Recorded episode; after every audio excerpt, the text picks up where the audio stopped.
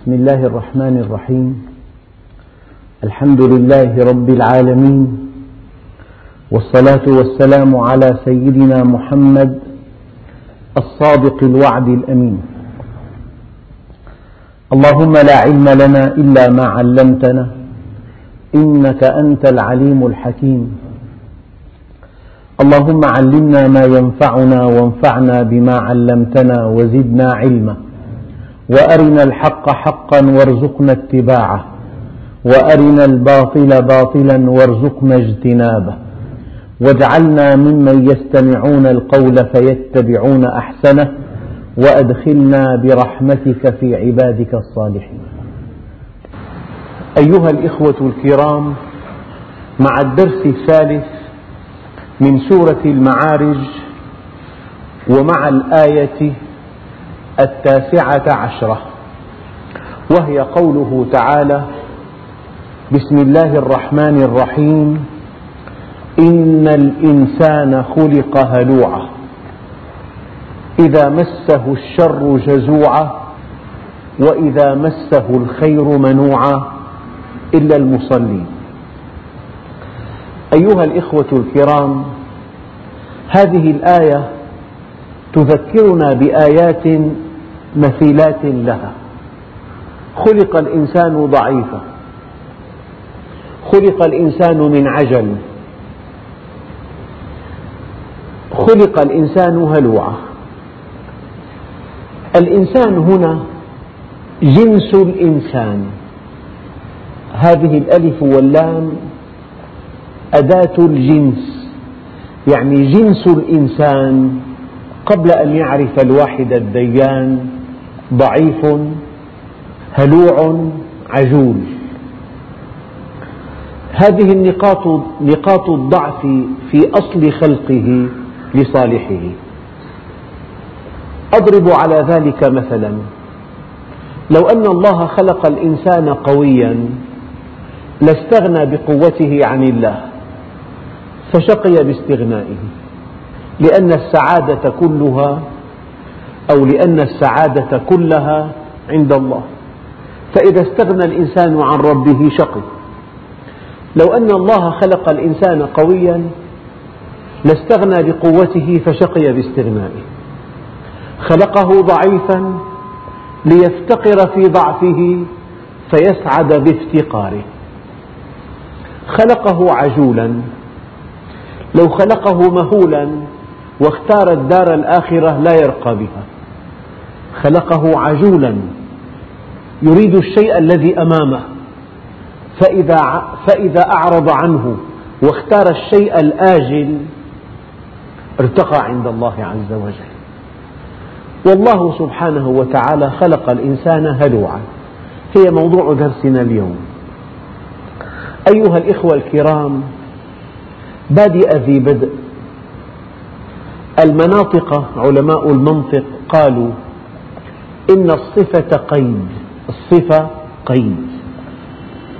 بمعنى أنك إذا أردت إذا قلت أنا أريد أن أعين موظفا يحمل شهادة ثانوية. يأتيك عشرات الألوف. إذا قلت يحمل شهادة ثانوية ومعفى من الخدمة الإلزامية ضاقت الدائرة. دون الثلاثين ضاقت الدائرة غير متزوج ضاقت الدائرة. يتقن اللغة الأجنبية ضاقت الدائرة. يتقن لغتين ضاقت الدائرة. فكلما أضفت صفة ضيقت الدائرة. هناك مثل أوضح. لو قلت إنسان لشملت هذه الكلمة خمسة آلاف مليون إنسان. إذا قلت إنسان مسلم لاقتصرت على مليار ومئتين مليون. لو قلت إنسان مسلم عربي لاقتصرت على مئة مليون. لو قلت إنسان مسلم عربي مثقف لهبطت إلى عشرين مليون. لو قلت إنسان مسلم عربي مثقف طبيب لهبطت إلى مئات الألوف.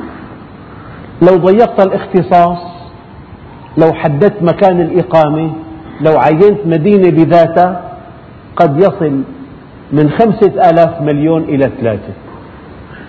فكلما ضيقت الدائرة كلما أضفت صفة ضيقت الدائرة.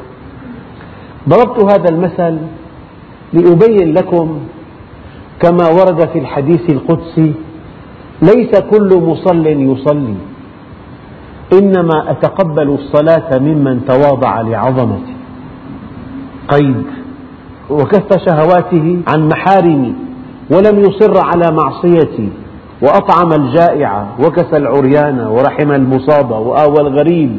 كل ذلك لي وعزتي وجلالي. إن نور وجهه لأضوأ عندي من نور الشمس على أن أجعل الجهالة له حلما والظلمة نورا يدعوني فألبيه. يسألني فأعطيه يقسم علي فأبره. أكلأه بقربي أستحفظه ملائكتي. مثله عندي كمثل الفردوس لا يمس ثمرها ولا يتغير حالها. فكلما أضفنا صفة ضاقت الدائرة. مهدت بهذين المثلين لقوله تعالى إن الإنسان خلق هلوعا إذا مسه الشر جزوعا وإذا مسه الخير منوعا إلا المصلين. من هم المصلون الذين صلوا كما أراد الله عز وجل. من هم المصلون الذين اتصلوا بالله من خلال صلواتهم؟ من هم المصلون الذين يرضى الله عنهم؟ من هم المصلون الذين حققوا الهدف من صلاتهم؟ قال إن الإنسان خلق هلوعا إذا مسه الشر جزوعا وإذا مسه الخير منوعا إلا المصلين الذين هم على صلاتهم دائمون. والذين في أموالهم حق معلوم. للسائل والمحروم. والذين يصدقون بيوم الدين. والذين هم من عذاب ربهم مشفقون. إن عذاب ربهم غير مأمون. والذين هم لفروجهم حافظون. إلا على أزواجهم أو ما ملكت أيمانهم فإنهم غير ملومين. فمن ابتغى وراء ذلك فأولئك هم العادون والذين هم لأماناتهم وعهدهم راعون والذين هم بشهاداتهم قائمون والذين هم على صلاتهم يحافظون أولئك في جنات مكرمون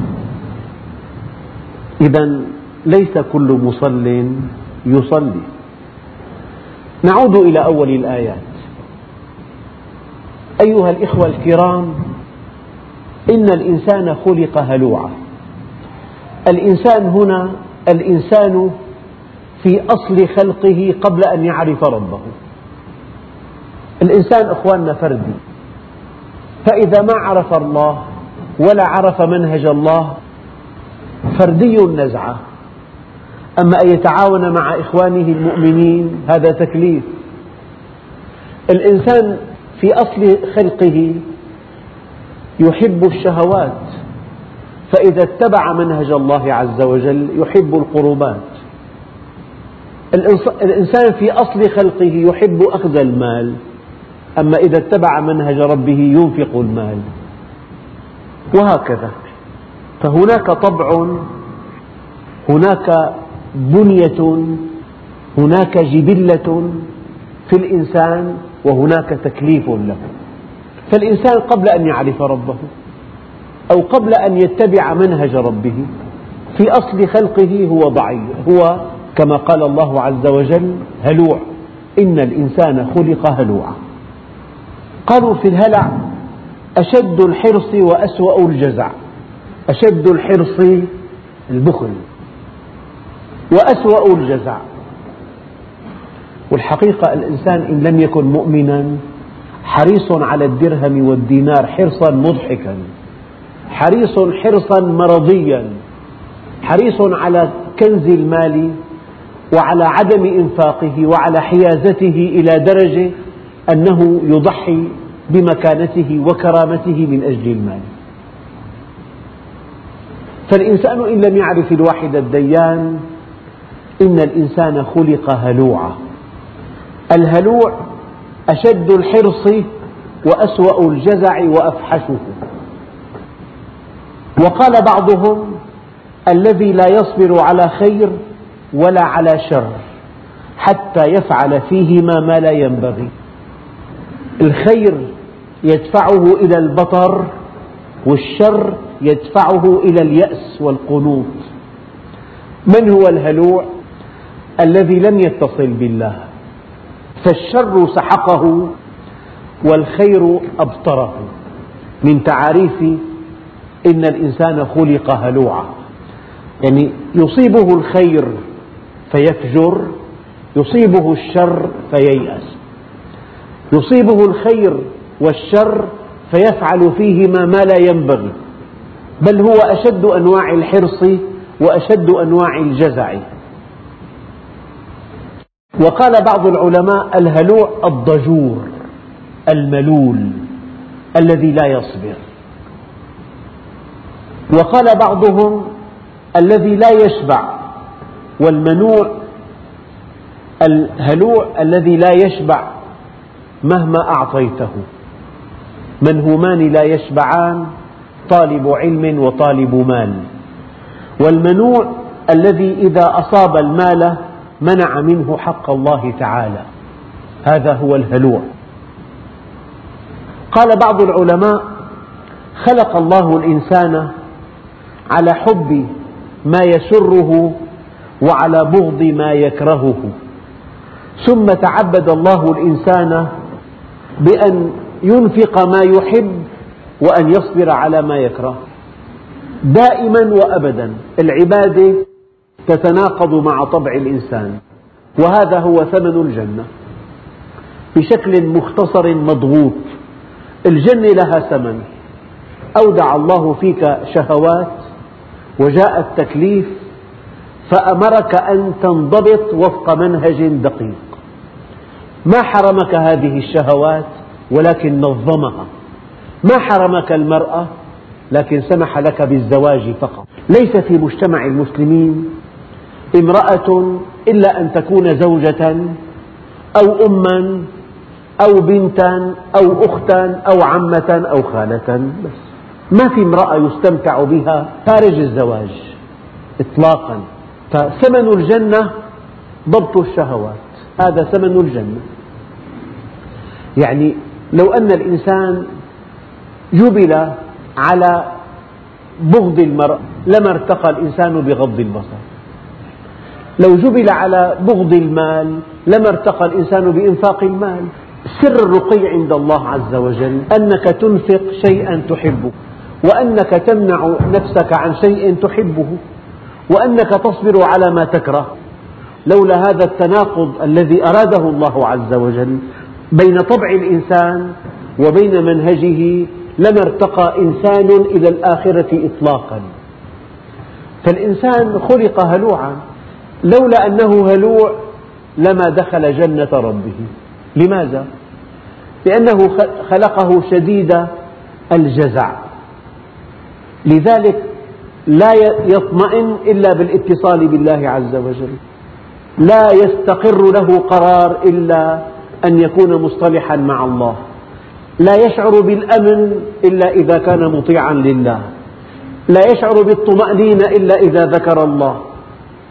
لو ألغيت ذكر الله ألغيت الاتصال بالله ألغيت الصلح مع الله لعاش حياة كالجحيم لا تطاق. ومن أعرض عن ذكري فإن له معيشة ضنكا. ونحشره يوم القيامة أعمى. قال رب لم حشرتني أعمى وقد كنت بصيرا؟ قال كذلك.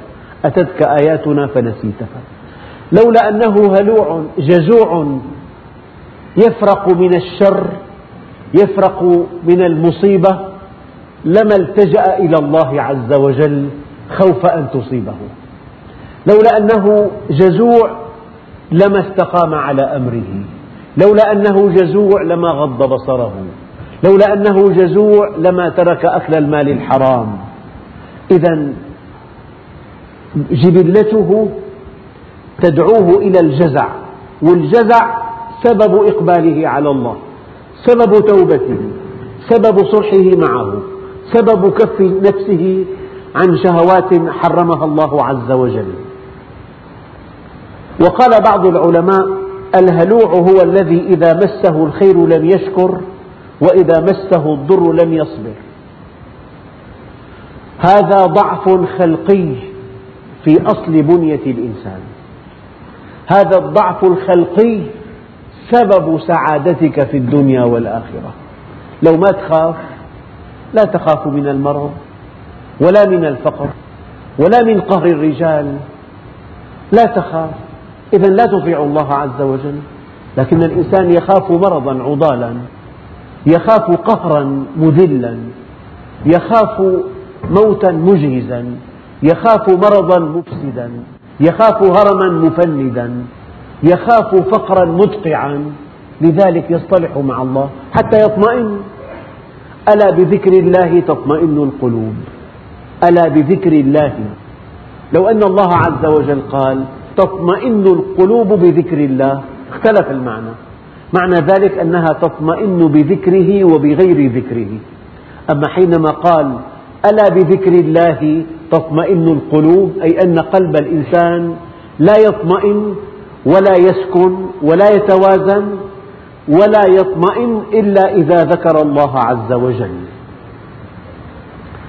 إن الإنسان جنس الإنسان قبل أن يعرف الله جبل على الهلع. شديد الخوف عند الضراء شديد الحرص عند السراء. هذه صفته قبل أن يعرف الله. هاتان الصفتان تدفعانه إلى الله. تدفعانه إلى التوبة. تدفعانه إلى الذكر. تدفعانه إلى الطاعة. تدفعانه إلى التقرب من الله عز وجل. لولا هذه الصفة الهلع الجزع والحرص لما ارتقى الإنسان إلى الله عز وجل. معه مبلغ من المال محبب إليه حريص عليه حريص على أن يكون في حوزته حريص على أن يبقى في خزنته حريص على أن ينمو هذا المال. فحينما ينفق من هذا المال يعاكس طبع الحرص فيرقى عند الله عز وجل.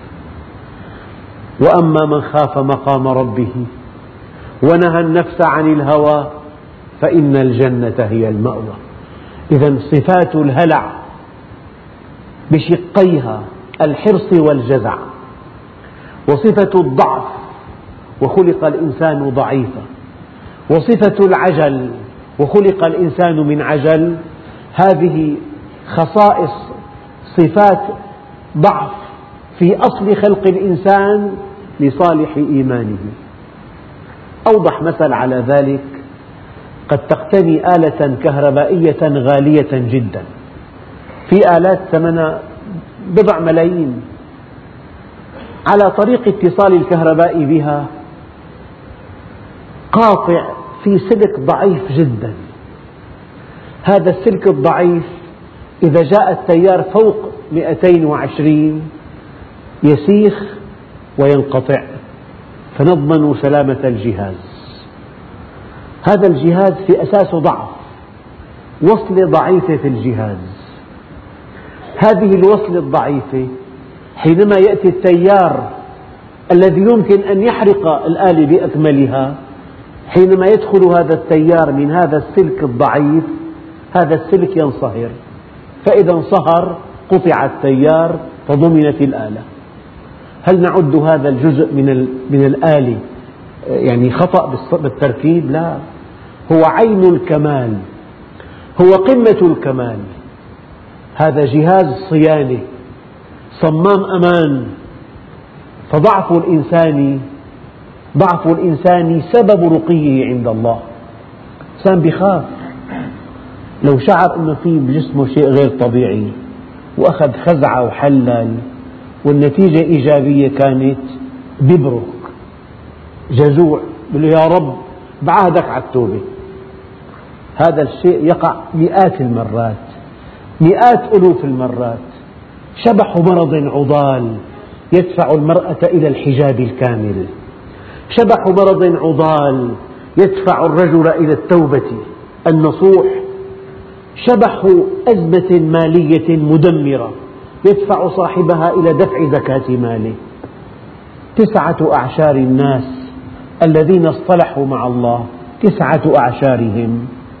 اصطلحوا مع الله بسبب أزمة جاءت مفاجئة وكانت ماحقة وساحقة فكيف هرب منها صاحبها؟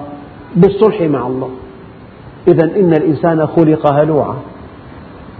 لولا هذه الصفة لما أقبل أحد على الله ولما اصطلح معه ولما تاب على, تاب على منهجه ولا فعل أي شيء من هذا. قال إذا مسه الشر جزوعا أي إذا ناله الشر أظهر الشدة أظهر شدة الجزع وإذا ناله الخير بخل ومنع. إن أصابه الشر أظهر الجزع وإن أصابه الخير بخل ومنع. تعجب أحيانا من أناس يملكون أرقام فلكية ومع ذلك يبحثون عن دريهمات يأخذونها ظلما. يبحثون عن بضع ليرات عن بضع مئات يأخذونها ظلما وقهرا من فقير. هذا واقع هذا مريض. ومن يوق شح نفسه فأولئك هم المفلحون. ورد عن رسول الله صلى الله عليه وسلم أنه شر ما أعطي العبد شح هالع وجبن خالع. لذلك النبي عليه الصلاة والسلام استعاذ من الجبن والبخل. الجبن جزع والبخل حرص. والجبن والبخل صفة مركبة في طبع الإنسان. إن لم يعرف, يعرف الواحد الديان. المصلون مستثنون من الهلع ومن الجزع ومن الحرص. إذا إن الإنسان خلق هلوعا إذا مسه الشر جزوعا وإذا مسه الخير منوعا إلا المصلين. المصلين بالمعنى الذي أراده الله. بالصلاة التي أرادها الله التي هي عماد الدين. من أقامها فقد أقام الدين ومن تركها فقد هدم الدين. لا خير في دين لا صلاة فيه. الصلاة غرة الطاعات عصام اليقين معراج المؤمن إلى رب الأرض والسماوات. الصلاة حسن العلاقة مع الله. أرحنا بها يا بلال. ولم يقل أرحنا بها أرحنا منها. وهذا فرق بين الواجب وبين الحب. بالحب ترتاح في الصلاة. وحينما تؤديها كواجب ترتاح منها. ينبغي أن تؤديها كمحب لا كمضطر. أيها الإخوة قال تعالى والعصر إن الإنسان لفي خسر إلا الذين آمنوا. يمكن أن نوسع هذه الحقيقة. أينما وردت كلمة الإنسان في القرآن فتعني الإنسان قبل أن يعرف الله. تعني الإنسان في أصل جبلته في أصل, في أصل جبلته في أصل طبعه. لم أقل فطرته لأن الفطرة متوافقة مع الشرع. لكن الطبع متناقض معه الطبع أقرب إلى المادة من الفطرة. الفطرة نفسية. أما الطبع مادي. وأوضح مثل الإنسان حينما يؤدي ما عليه من زكاة مال حينما يدفع هذا المال طبعه يؤنبه. أما حينما يدفع هذا المال نفسه ترتاح. الطاعات تنفيذ متعب للجسم لكنها مريحة للنفس. حينما تفعل عبادة ما تفعل عبادة ما في أثناء القيام بها تشعر بالتعب وقد تعاكس طبعك. أما حينما تؤديها كاملة تشعر بالراحة النفسية.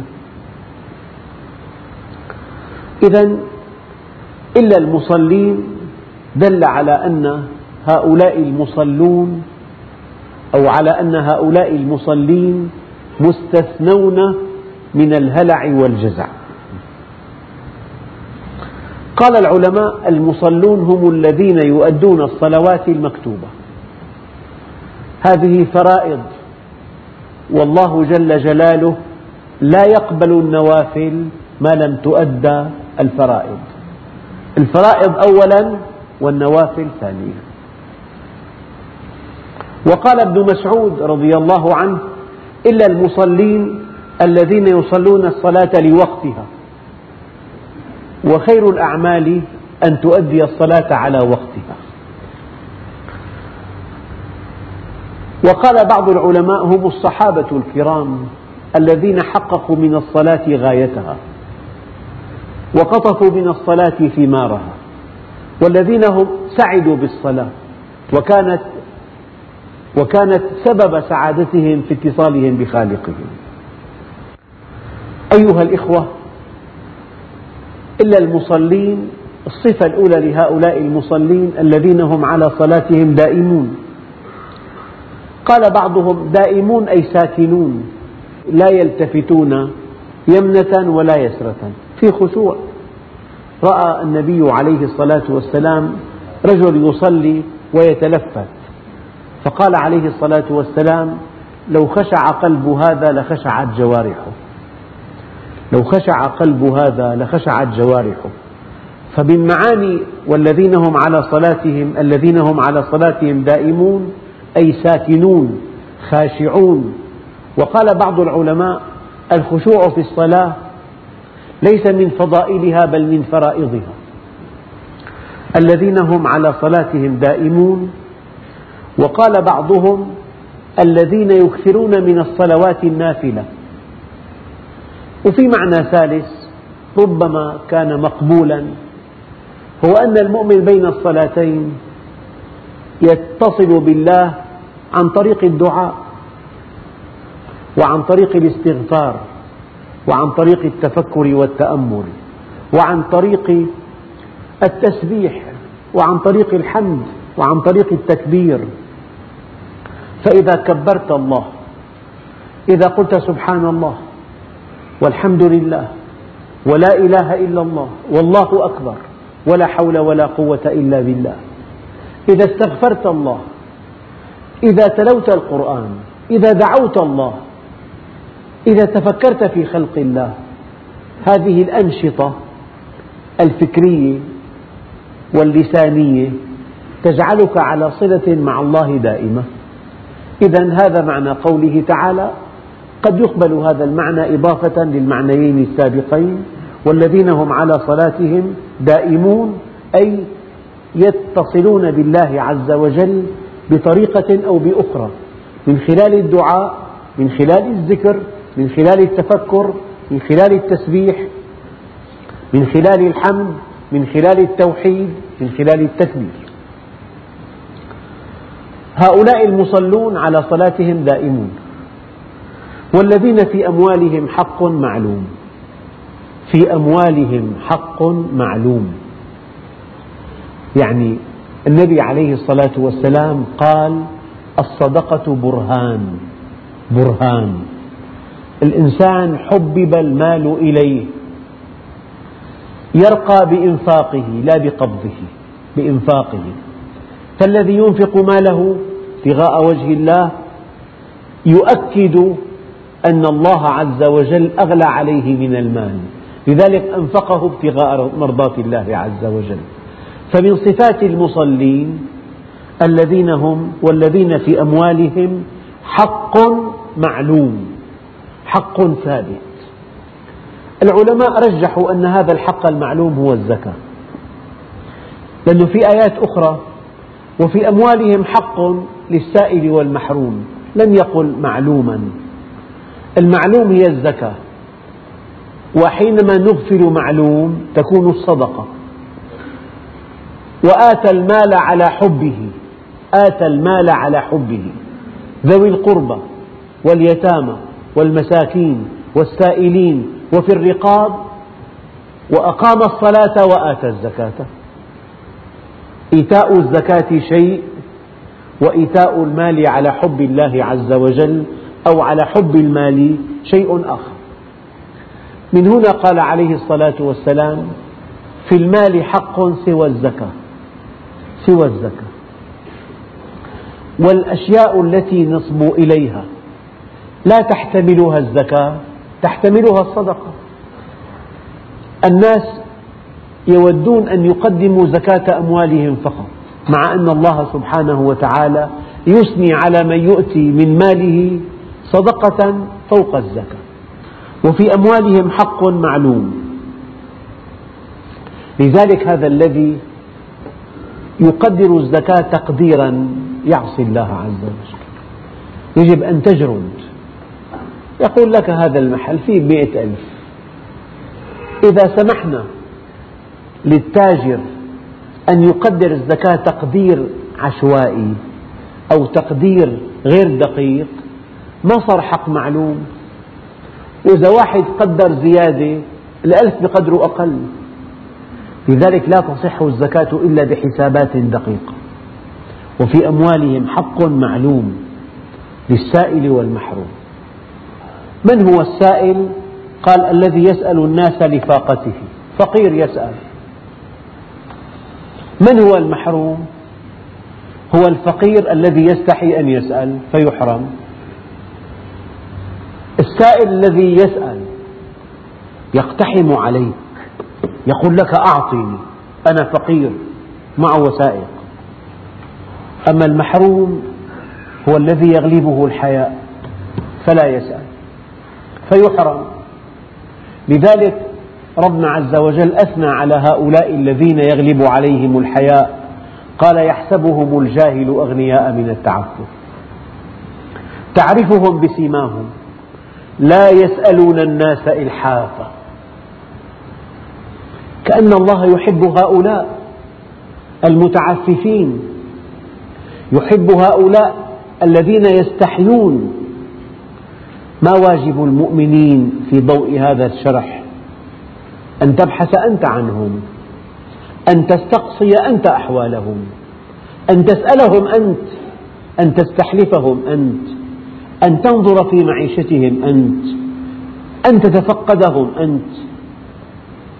الإنسان الذي يستحي طبعا هناك حالات يجب أن تسأل حتى تكون دقيق معكم. إنسان عنده ابن مريض يحتاج إلى عملية فإذا استحى يسأل يموت ابنه. لا. هي حالات استثنائية. يجب أن تسأل. وإن لم تسأل فأنت آثم أما في الأعم الأغلب من أجل تأمين حاجات يعني ليست ضرورية جدا هناك من يسأل هناك من لا يسأل. فالذي لا يسأل يحسبه الجاهل غنيا من التعفف. تعرفهم بسيماهم لا يسألون الناس إلحافا. لذلك واجب المؤمنين لا أن تنتظر من يسألك. أن تسعى أنت إليه. أن تزوره في بيته. أن تسأله عن أحواله. أن تسأله عن معيشته. أن تستحلفه عليك دين. أن تحاول أن تحفظ له ماء وجهه. أن تحاول أن تجعله عزيزا كريما.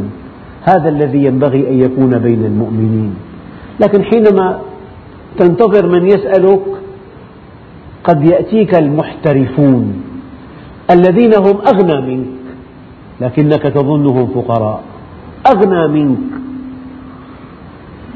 حدثني أخ قال لي كنت في محل تجاري ورأيت امرأة ترتدي ثيابا يعني مضى عليها أكثر من عشرين عام.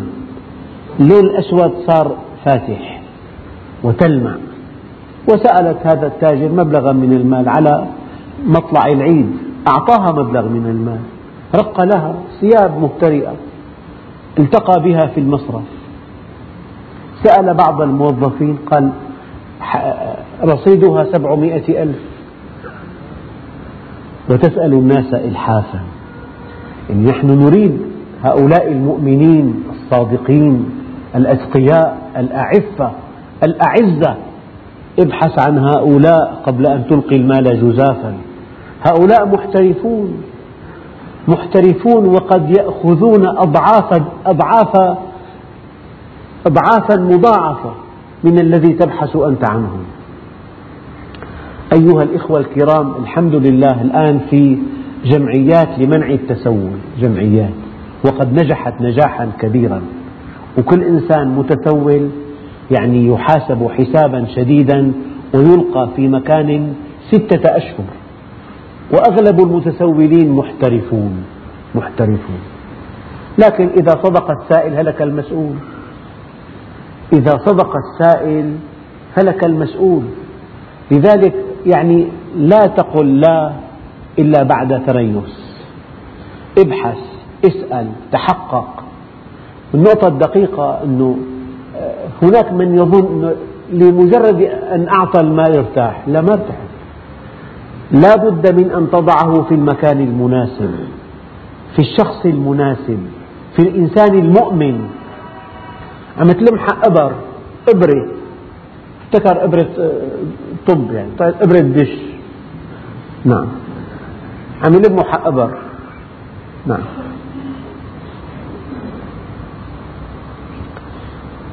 المحروم هو الذي حرم المال. المحروم هو الذي المتعفف الذي لا يسأل الناس شيئا. إذا لا يعلم أحد حاجته. المحروم الذي يأتي بعد الغنيمة وليس له فيها سهم. المحروم الذي لم يبق له مال. احترق محله. جاء الصقيع فأتلف مزرعته بأكملها المحصول صفر عليه ديون ثمن البذور والأسمدة وما إلى ذلك. المحروم الذي أصيب ثمره أو زرعه أو ماتت ماشيته هذا محروم. المحروم الذي أصابته جائحة أي معاني المحروم. لقوله تعالى إنا لمغرمون بل نحن محرومون. وقال بعضهم المحروم الحيوان الذي لا يجد من يطعمه الذي يقتني الخرفان يطعمها من أجله من أجل أن تسمن الذي يقتني الدجاج يطعمها من أجل البيض.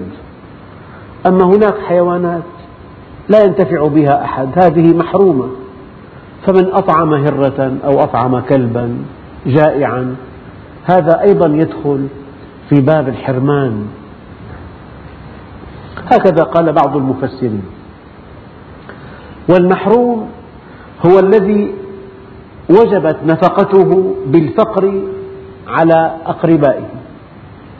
أيام فقد عمله فجأة عنده زوجة وأولاد. يجب أن ننفق عليه أقرب الناس إليه أقرباؤه. المحروم الذي حرم كسب نفسه حتى وجبت نفقته على غيره. يعني لا يستطيع أن يكسب إما لعجز أو لفقدان عمل. أيام عاجز في عاهة هذا محروم. أو لأنه ما في عمل بيطالب فيه. قد يكون إنسان شاب قوي بس ما في أعمال. لذلك سيدنا عمر لما امتحن والي قال ماذا تفعل إذا جاءك الناس بسارق أو ناهب؟ قال أقطع يده. قال إذا فإن جاءني من رعيتك من هو جائع أو عاطل؟ عاطل. فسأقطع يدك. قال إن الله قد استخلفنا عن خلقه لنسد جوعتهم ونستر عورتهم ونوفر لهم حرفتهم. إن وفينا لهم ذلك تقاضيناهم شكرها. إن هذه الأيدي خلقت لتعمل فإذا لم تجد في الطاعة عملا التمست في المعصية أعمالا فاشغلها بالطاعة قبل أن تشغلك بالمعصية. الآن أكبر مشكلة تواجه العالم بكل قاراته البطالة.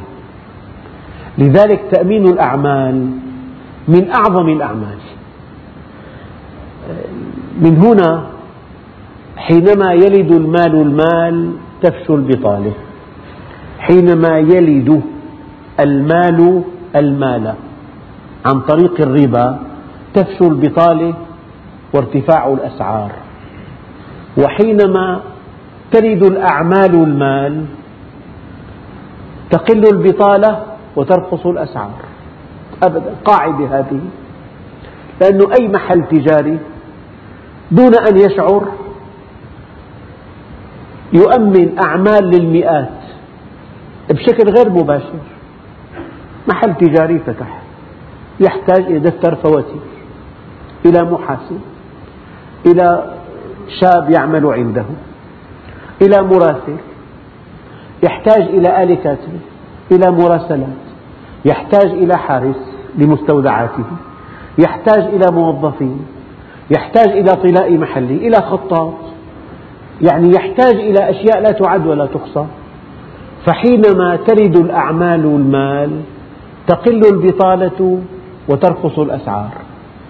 وحينما يلد المال المال تفشو البطالة وترتفع الأسعار. وحينما ترتفع الأسعار توزع الكتلة النقدية توزيعا غير صحيح. فقلة قليلة قلة قليلة تملك كل شيء وكثرة كثيرة لا تملك شيئا. هذا التوزيع العشوائي للثروة أما إذا كله أعمال الأعمال تتزاحم الأسعار ترخص وفي عنا ألف دليل ودليل على هذا. من هنا ورد عن رسول الله صلى الله عليه وسلم أن ويل للأغنياء من الفقراء يوم القيامة. يقولون ربنا ظلمونا حقوقنا التي فرضت لنا عليهم فيقول الله عز وجل وعزتي وجلالي لأقربنكم ولأبعدنهم. فالغنى والفقر بعد العرض على الله.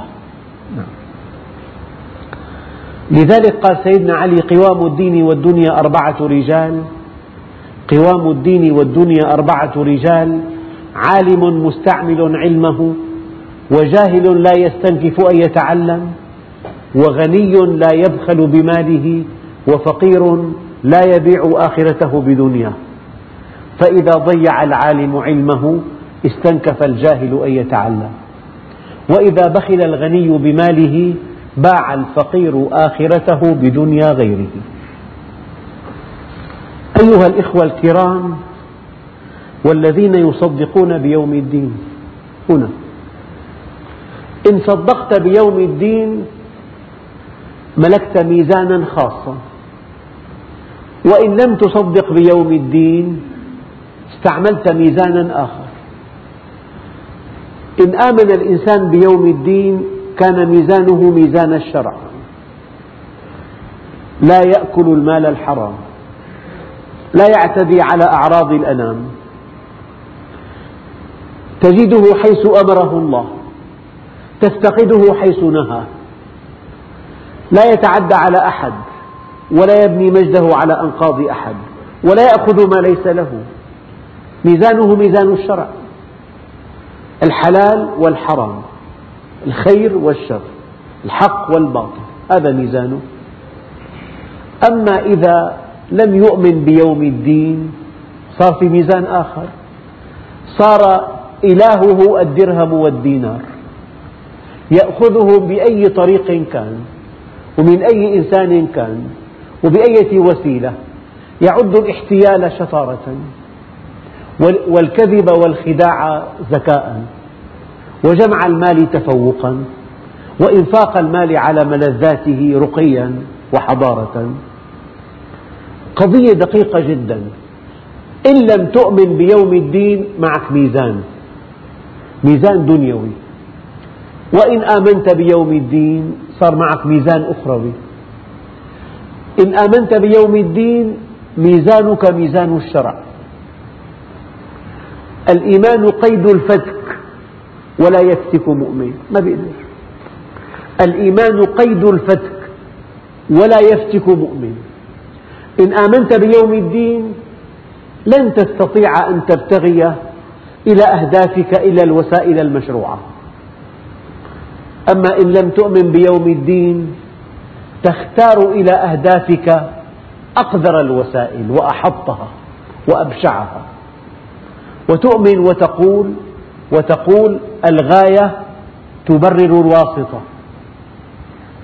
يعني فرق كبير بين من آمن بالدنيا وزينتها آمن بزينتها ومالها ونسائها وشهواتها ومتعها ومباهجها وبين من آمن بالآخرة فجعل الدنيا مطية لها.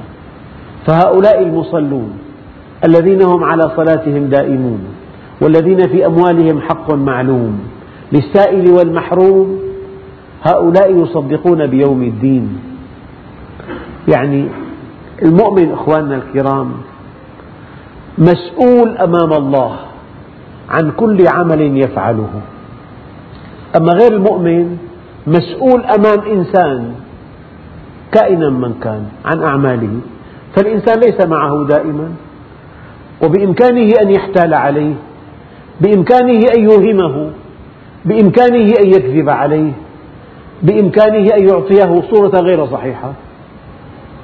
لذلك والذين يصدقون بيوم الدين شيء أساسي جدا جدا بالإيمان أن تجعل الآخرة ميزانا لك. إذا أيها الإخوة هذا بحث يطول. والذين يصدقون بيوم الدين اختلف الأمر اختلف دخله اختلف أنفاقه اختلف بيته اختلف زواجه اختلف كل شيء. إذا أيقنت أن هناك يوم تقف فيه أمام الله عز وجل ليسألك عن كل شيء. صار هوس المؤمن في كل لحظة من لحظات حياته أن يهيئ لله جوابا عن أعماله. لذلك يمنعه عن المال الحرام خوفه من الله. قد يكون قويا وقد يكون متمكنا وقد يفعل شيئا دون أن يسأل عليه. أنا أخ من أخواننا وضع لي ورقة والله لا أعرف اسمه. قال سمعت درس الأمانة. معي عشرين مليون ليرة مودعة عندي لرجل مات فجأة ولا يعلم أحد بها. فذهبت إلى ورثته وسلمتهم إياها ما الذي دفعه؟ خوفه من الله؟ القبر السؤال الحساب. عبدي خفني وخف نفسك وخف من لا يخافني. الإنسان إذا لم يخف من الله فهو جاهل فهو غبي فهو أحمق. الله موجود. لذلك أيها الإخوة حينما تؤمن أن هذه الدنيا دار عمل وأن الآخرة دار جزاء هذه الدنيا دار تكليف والآخرة دار تشريف هذه الدنيا كل أعمالنا مسجل علينا فيها. ما لهذا الكتاب؟ لا يغادر صغيرة ولا كبيرة إلا أحصاها. ووجدوا ما عملوا حاضرا ولا يظلم ربك أحدا. حينما تؤمن بيوم الدين يكون ميزانك ميزان الشرع. وميزان الآخرة. هدفك الآخرة والميزان هو الشرع. أما الذي لم يؤمن بيوم الدين ميزانه الدنيا. إلهه المال إلهه الشهوة. شيء آخر وهدفه الدنيا. أما الطامة الكبرى ذرهم يخوضوا ويلعبوا حتى يلاقوا يومهم الذي فيه يصعقون. والحمد لله رب العالمين.